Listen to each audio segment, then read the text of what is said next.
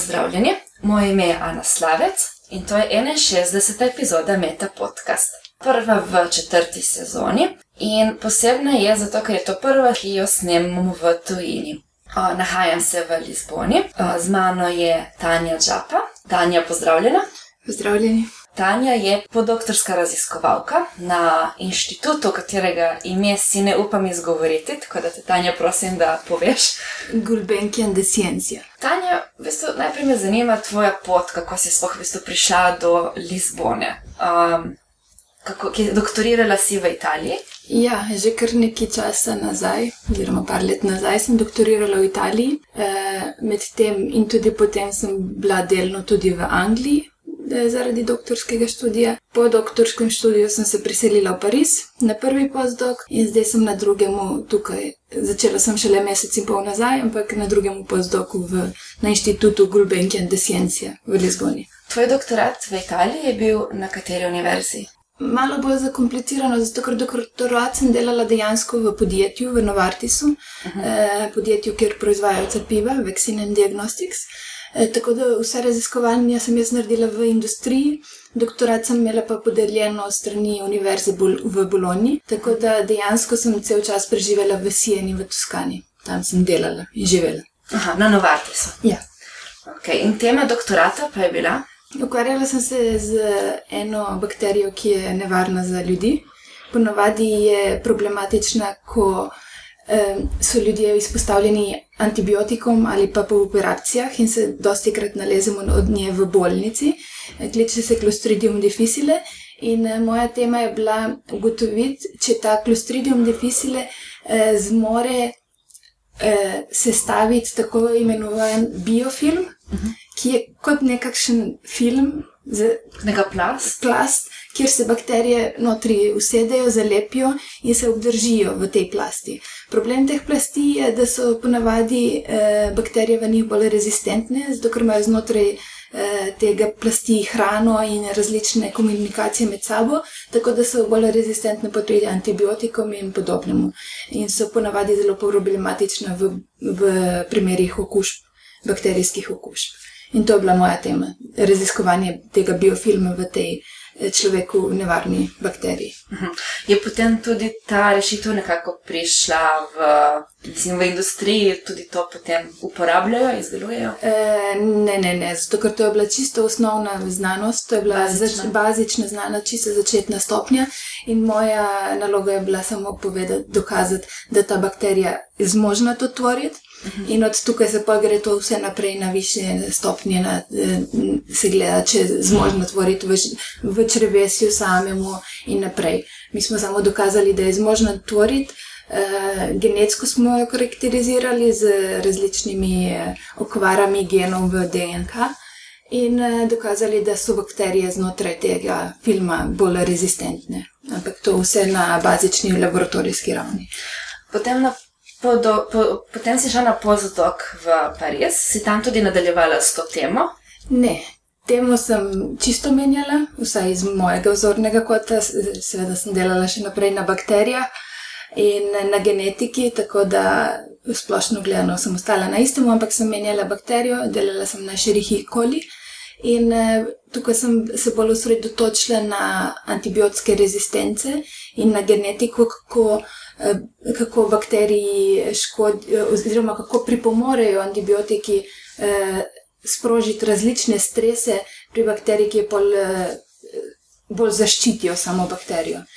Ja, Escherichia coli to je bakterija, ki jo imamo vsi v telesu. Ja, je prva bakterija, ki se naseli v naše črevo, ko se rodimo.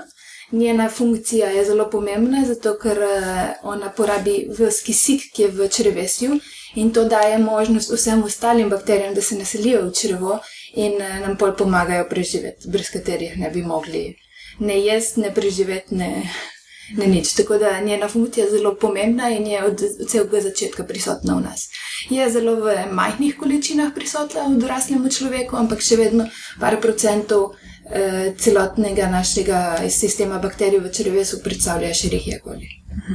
Zdaj sem se spomnila, pa sem tako ena trivijalna zanimivost. Tretjo sezono sem tudi začela z intervjujem z mikrobiologinjo In na sliki, ki nam je dala, ko smo objavili ta intervju na metini listi, je slika nas pliša sto igračev, v obliki šerih je kot. Jaz jo tudi imam, jaz jo tudi imam.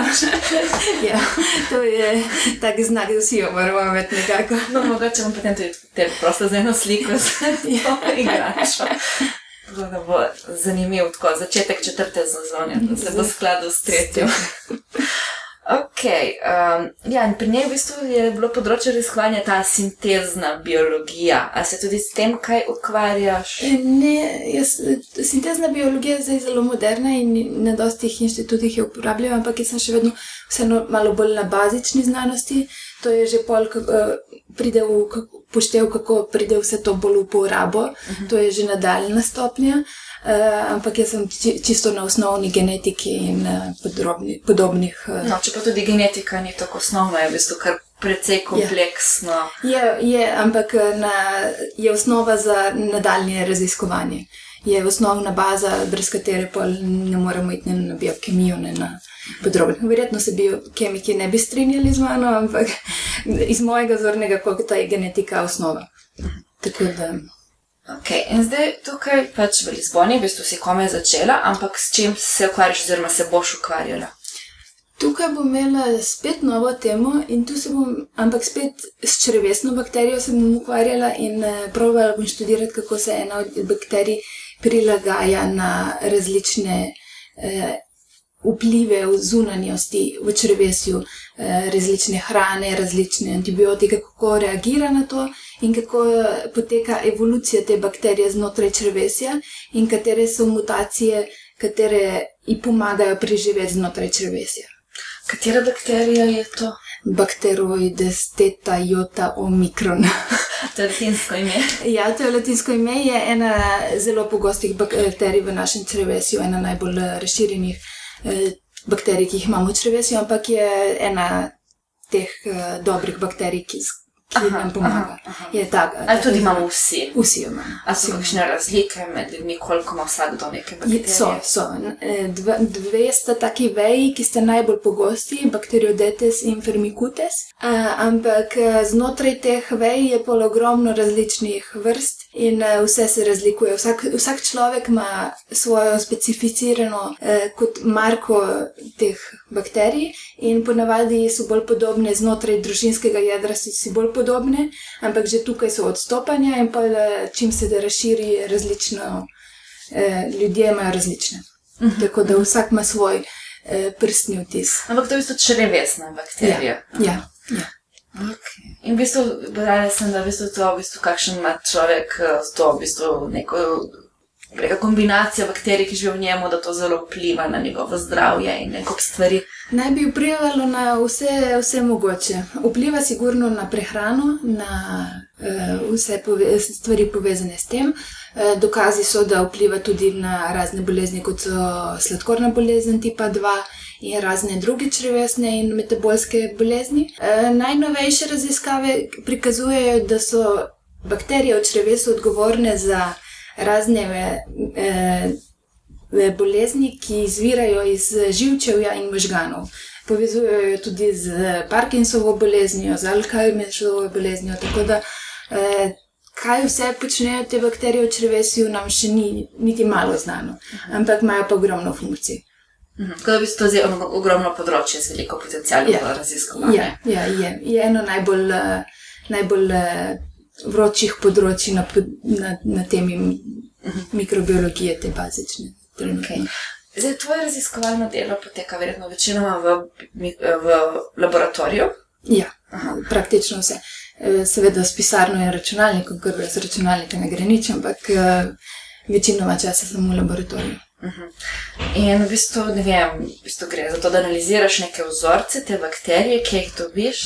Uh, dobimo večinoma izolate iz uh, naravnih okolij, tako da so izolirane iz črvesja. Uh, zdaj, kako bo tukaj potekalo, še ne vem točno, ampak dosti je dela na živalskih modelih. Uh, v teh primerih se vzame bakterijo in se jo da v, v živalski model, miš ali pa podobno. In se pol eh, naprej delajo raziskave. Jaz zaenkrat še nikoli nisem delala z, z živimi modeli, tako da ne vem točno še kako gre. Jaz sem večino časa preživela samo v laboratoriju do zdaj z bakterijami, z gojiščem. Eh, delala sem dosti mutacij v bakterijah in gledala, kako pol z različnimi mutacijami te bakterije se odzivajo na različne strese in različne Rečeš stres bakterije, kaj to pomeni? Antibiotik, naprimer, hrana, različna hrana, eh, temperatura, kakršni koli šoki, tudi kot za nas, tudi za njih vse šoki. UV izpostavitev. Ampak najbolj pogosto je najenostavnejše različni antibiotiki in gledati, kaj to bakteriji dejansko naredi in kako, kako se reši iz tega. Uh -huh, uh -huh. Zato, ker bakterije imajo ogromno načinov, kako preprečiti. Uh, smrt. In eh, teh stresnih odzivov je ogromno, in eh, poznamo jih dosti, ampak ne vemo pa, kako to dejansko preprečiti. Zato, ker če bi vedeli, kako preprečiti eh, te odzive, stresne odzive na bakterije, bila, ne bi imeli antibiotske rezistence, ne bi imeli težav z zdravljenjem infekcij. Eh, ker so pa bakterije tako iznajdljive, je pa to pol večji problem. Kaj pa pri teh dobrih bakterijah, ki jih imamo, ki jih želimo obdržati v telesu, tudi se gleda, v bistvu je to nekako proučevanje, kako antibiotiki tudi. Tudi, tudi, zato ker uh, one so pa nasprotno, one pa, če uporabljamo eno, eh, ponovadi so različno razvite in te črevesi niso navajene na antibiotike. Tako da na njih pa to reagira zelo na na problematičen način. In če jih odstranimo iz črvesja, pa to pomeni, da lahko pridejo druge, uh mhm. -huh. ki nam bojo škodile. Uh mhm. -huh. Tako da v bistvu razvoj antibiotikov ne bi šel v to smer, da, pač, da je slab za slabe bakterije, dober, ja. ostale pa ne bi dobre. Ja. Zdaj, razvoj antibiotikov je zelo počasna zadeva. E, v času, dokler ugotovimo enega in ga iznajdemo in ga produciramo, že, so že vse bakterije rezistentne na njega. Tako da zdaj se mentaliteta menja in ne gleda se več toliko v odkrivanju novih antibiotikov, ampak novih načinov, kako preprečiti infekcije. Da bi bakterijo zaustavili, da bi prišla do tega, da bi, da bi onemogočili kakšne stresne odzive, da bi kakršne koli druge načine, Aha, ne samo z antibiotiki. Da bi lepše sobivali z ja, njimi. Ja, ja, tako nekako. Okay, prej, si, prej sem začela ta pogovor, si omenila, da ta inštitut, na katerem delaš, da to je v bistvu privatna inštitucija. Je, je privatna inštitucija, fundacije Gulbenkian. Eh, Gulbenkian gospod je bil eh, premožni gospod iz Armenije, če, nisem, če se ne točno natančno spomnim, ampak je živel dosti časa v Evropi in na koncu je živel na Portugalskem. Imel je ogromno premoženje, ki ga je dobil preko nafte in obogatil z nafto. In še dan danes ta fundacija dobiva premoženje preko nafte, in eh, to premoženje se podeli na del znanosti, inštitut, eh, muzej imajo, park velik imajo v Lizboni, ogromno stvari je pokritih in financiranih strani te fundacije, ki jo je on zapustil kot svojo dediščino države. A on je bil tudi sam znanstvenik? Ne, on je bil podjetnik, uh. -huh. ampak ga je zelo zanimala znanost in umetnost. Uh. -huh. Ampak, ko rečemo znanost, to so v bistvu te life sciences, znanosti o življenju, to področje ja. znanosti. V našem inštitutu je predvsem to pokrito. Uh, kaj pa v bistvu hraniš tudi kakšne raziskovalne stike s Slovenijo? Sodelujete s kakšno institucijo v Sloveniji? Uh, znanstveno sodelujem, ne, sem pa v povezavi z mentori iz Slovenije, občasno se slišimo in smo na tekočem. Aha, aha. Razmišljaš o vrnitvi v Slovenijo, je to tudi kakšna opcija za te v prihodnosti? E, moja prihodnost je zelo odprta. Jaz nimam e, določenega. E, Določene ideje, kaj bom počela v prihodnosti. Tam, kjer bom našla možnost zaposlitve, tam bom končala. Če bo to v Sloveniji, bo tudi tako, da možnost je, ampak odvisno od tega, če bo možnost, takrat, ko bom iskala službo, dejansko dobiti službo v Sloveniji. Uh. -huh. Um, zdaj, ponovadi v intervjujih, ki smo do zdaj imeli v meta podkastu v tujini, smo jih imeli ponovadi v pisni obliki, zdaj prvič imamo tak intervju v, v audio formatu. Pa smo imeli v pisni obliki, smo imeli vedno za vsakega intervjuja eno vprašanje. Um, kaj jim je najbolj všeč pri tem delu in kaj jim je najmanj všeč pri raziskovalnem delu. Zdaj, če je bilo to vprašanje za ljudi iz tujine, si predstavljam, da imamo kar podobne težave. Pri delu meni je všeč vse, jaz ne bi menjala čisto ničesar. Res je, da nimamo urnikov, delamo po noči, po dnevi, kadarkoli. Ampak pa so dnevi, ko imamo manj dela, pa si lahko vzamemo več, kot si bi vzeli nekdo, ki je stalno zaposlen. Pa so vikendi, ki so ponovadi, vsaj v naših eh, teh eh, naravnih znanosti, life science, življenjske znanosti, je dosti dela med vikendi, zato ker bakterije rastejo, ne rabijo stalno nekoga. Tako da je vedno je treba malo mobilnosti, nimamo urnika, nimamo časa, dela se, kadar se dela, ampak to me nikoli ni niko, um, oviralo ali pomotlo, vedno je bilo del tega in vedno nisem imela nobenih težav. Kar me začenja motiti, je to, da nimamo neke malo večje stabilnosti. Eh, predvsem eh, če, v tujini, ko smo, eh, projekt traja dve, tri leta, veš, nekaj boš čez tri leta. In vem, da v Parizu sem si zelo želela zajčka, majhno živalce. In se nikakor nisem mogla odločiti, zato ker nisem vedela, kaj bom čez eno leto in nisem vedela, kako bom z zajčkom potovala po svetu. In takrat mi je prišlo ta občutek, ne samo občutek, da ne veš, kje bo živel, ampak samo občutek neke stabilnosti, ti začne manjkati z leti. No. Na začetku nisem imela nobenih težav. Zdaj pa to je moja že peta država, v kateri živim, in zdaj se začenja, z leti se začenja to spremenjati. Ampak drugače pa v delu ne bi menila ničesar.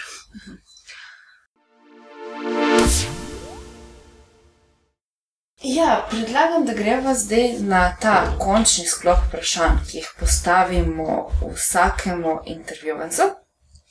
Če bi imela priliko iti na kavo s predsednikom vlade, kaj bi mu predlagala, da spremeni na področju znanosti? Mislim, da naši trenutni vladi eh, kaj dosti o znanosti ni treba govoriti, zato ker je verjetno ena najbolj izobraženih vlad, kar smo jih kadarkoli imeli in z poprečnim 50% ali več doktorjev znanosti. Verjamem, da se vsi dobro zavedajo, kaj je problem v znanosti in kaj, kaj bi bilo potrebno storiti. Verjamem pa tudi, da ko pridejo na ta položaj, vsi pozabijo malo na te osnovne probleme znanosti ker imajo dosti vprašanj, kot so socialna varnost in vse skupaj. Ampak mislim, da se ne zavedajo, da brez znanosti, tudi socialne varnosti, ne, ne bojo imeli kaj delati na njej. In všeč mi je bilo na zadnjem vzhodu, je Egon Pelikan, zgodovinar, rekel, eh, da če bo šlo tako naprej v Sloveniji, bo Slovenija postala država eh, pod izvajalcem.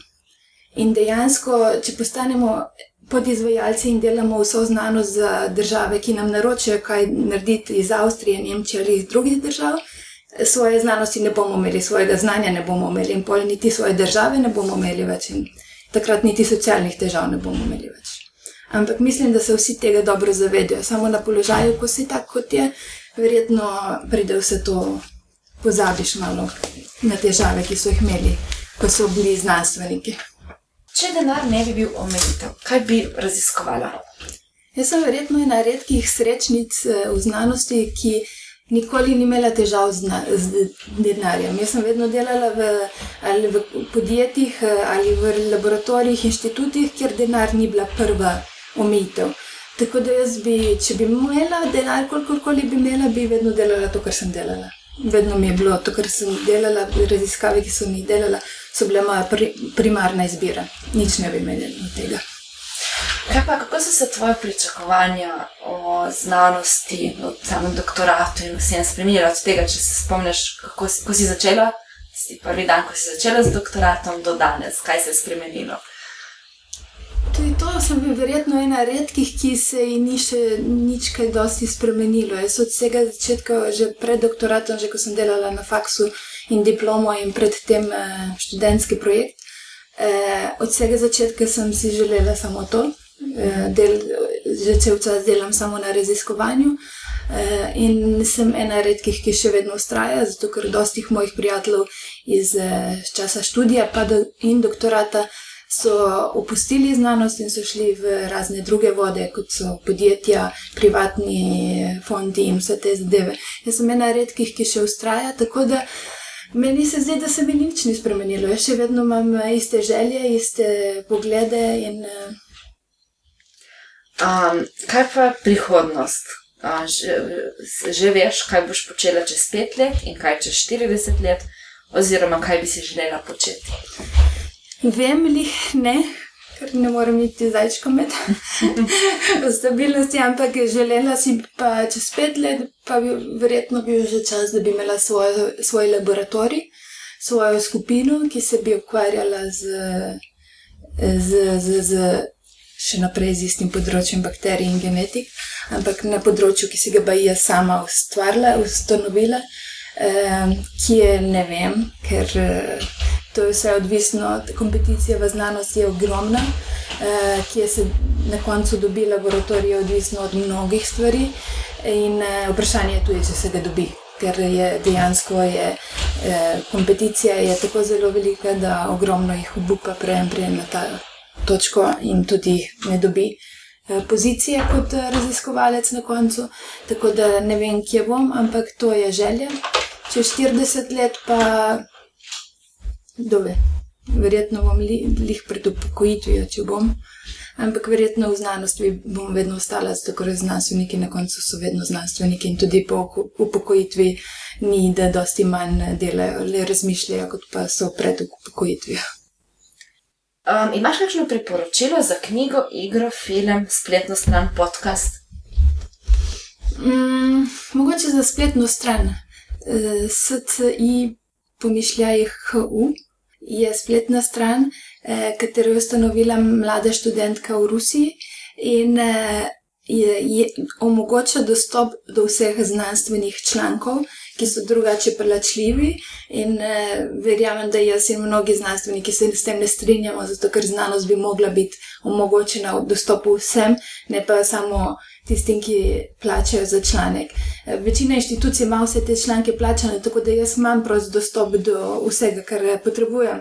Ampak eh, drugi pa nekdo, ki ne dela v znanosti in si bi rad kaj prebral, si ne more večinoma, zato ker zahtevajo 30 evrov za prebrati en članek in to nima smisla. Tako da, čeprav ta punca, ki je ustanovila to stran, ima ogromno težav, ogromno tožb, eh, skriva se, noben ne ve točno, kje je ampak mislim, da je naredila ogromno za znanost.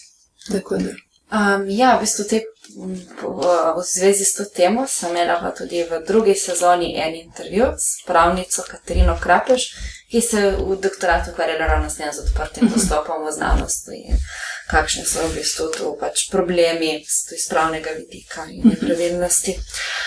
Um, še kakšno priporočilo za knjigo, igro, film, karkoli?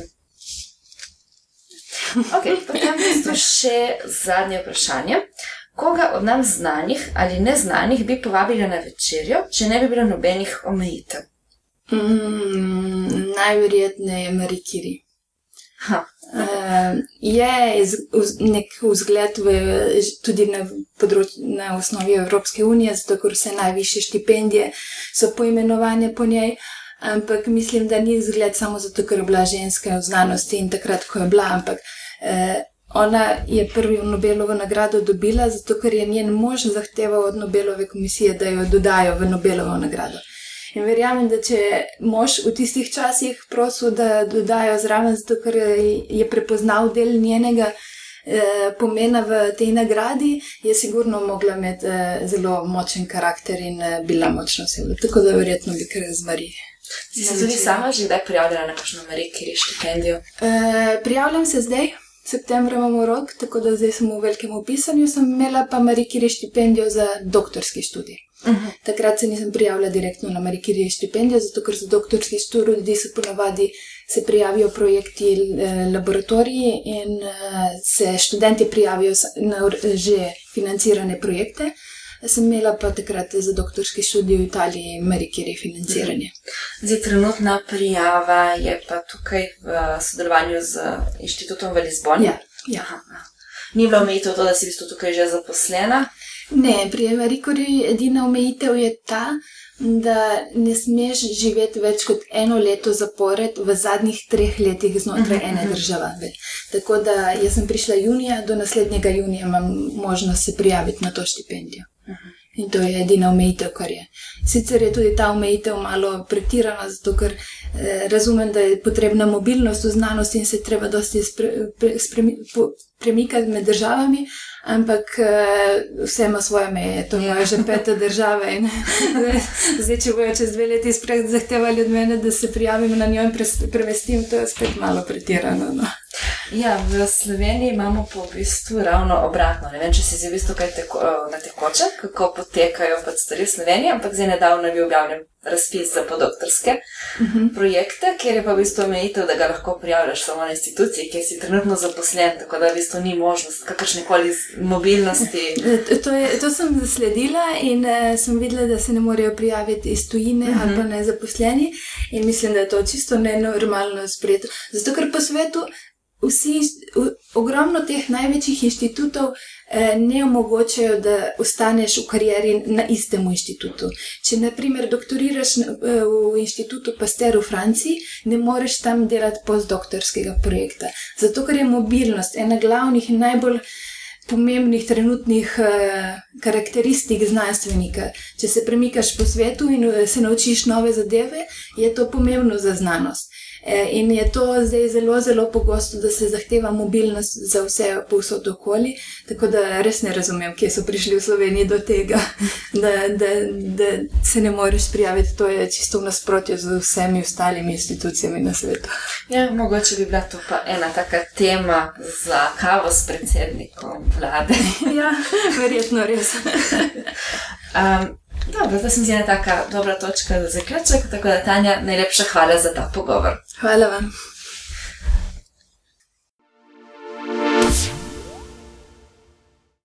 Poslušali ste Meta podcast. To so pogovori z doktorskimi študenti in študentkami z različnih področji znanosti. Začel jih je Luka Avsec, v drugi sezoni sem se mu pridružila Ana Slavec. Podcast domuje na spletišču metina.lista.si, kjer najdete tudi druge zanimive znanstvene vsebine. Če vam je podcast všeč, ga lahko podprete z donacijo Metini listi. Zahvalo boste dobili izvod knjige Zanimiva, navdihujoča, uporabna, ki smo jo izdali ob koncu druge sezone.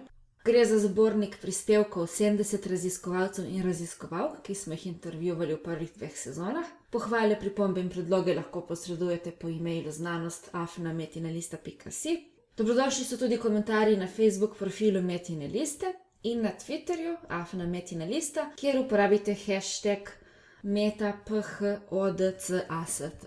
Sama pa tvitam kot afnaaslavec. To je bilo to, se slišimo čez 14 dni.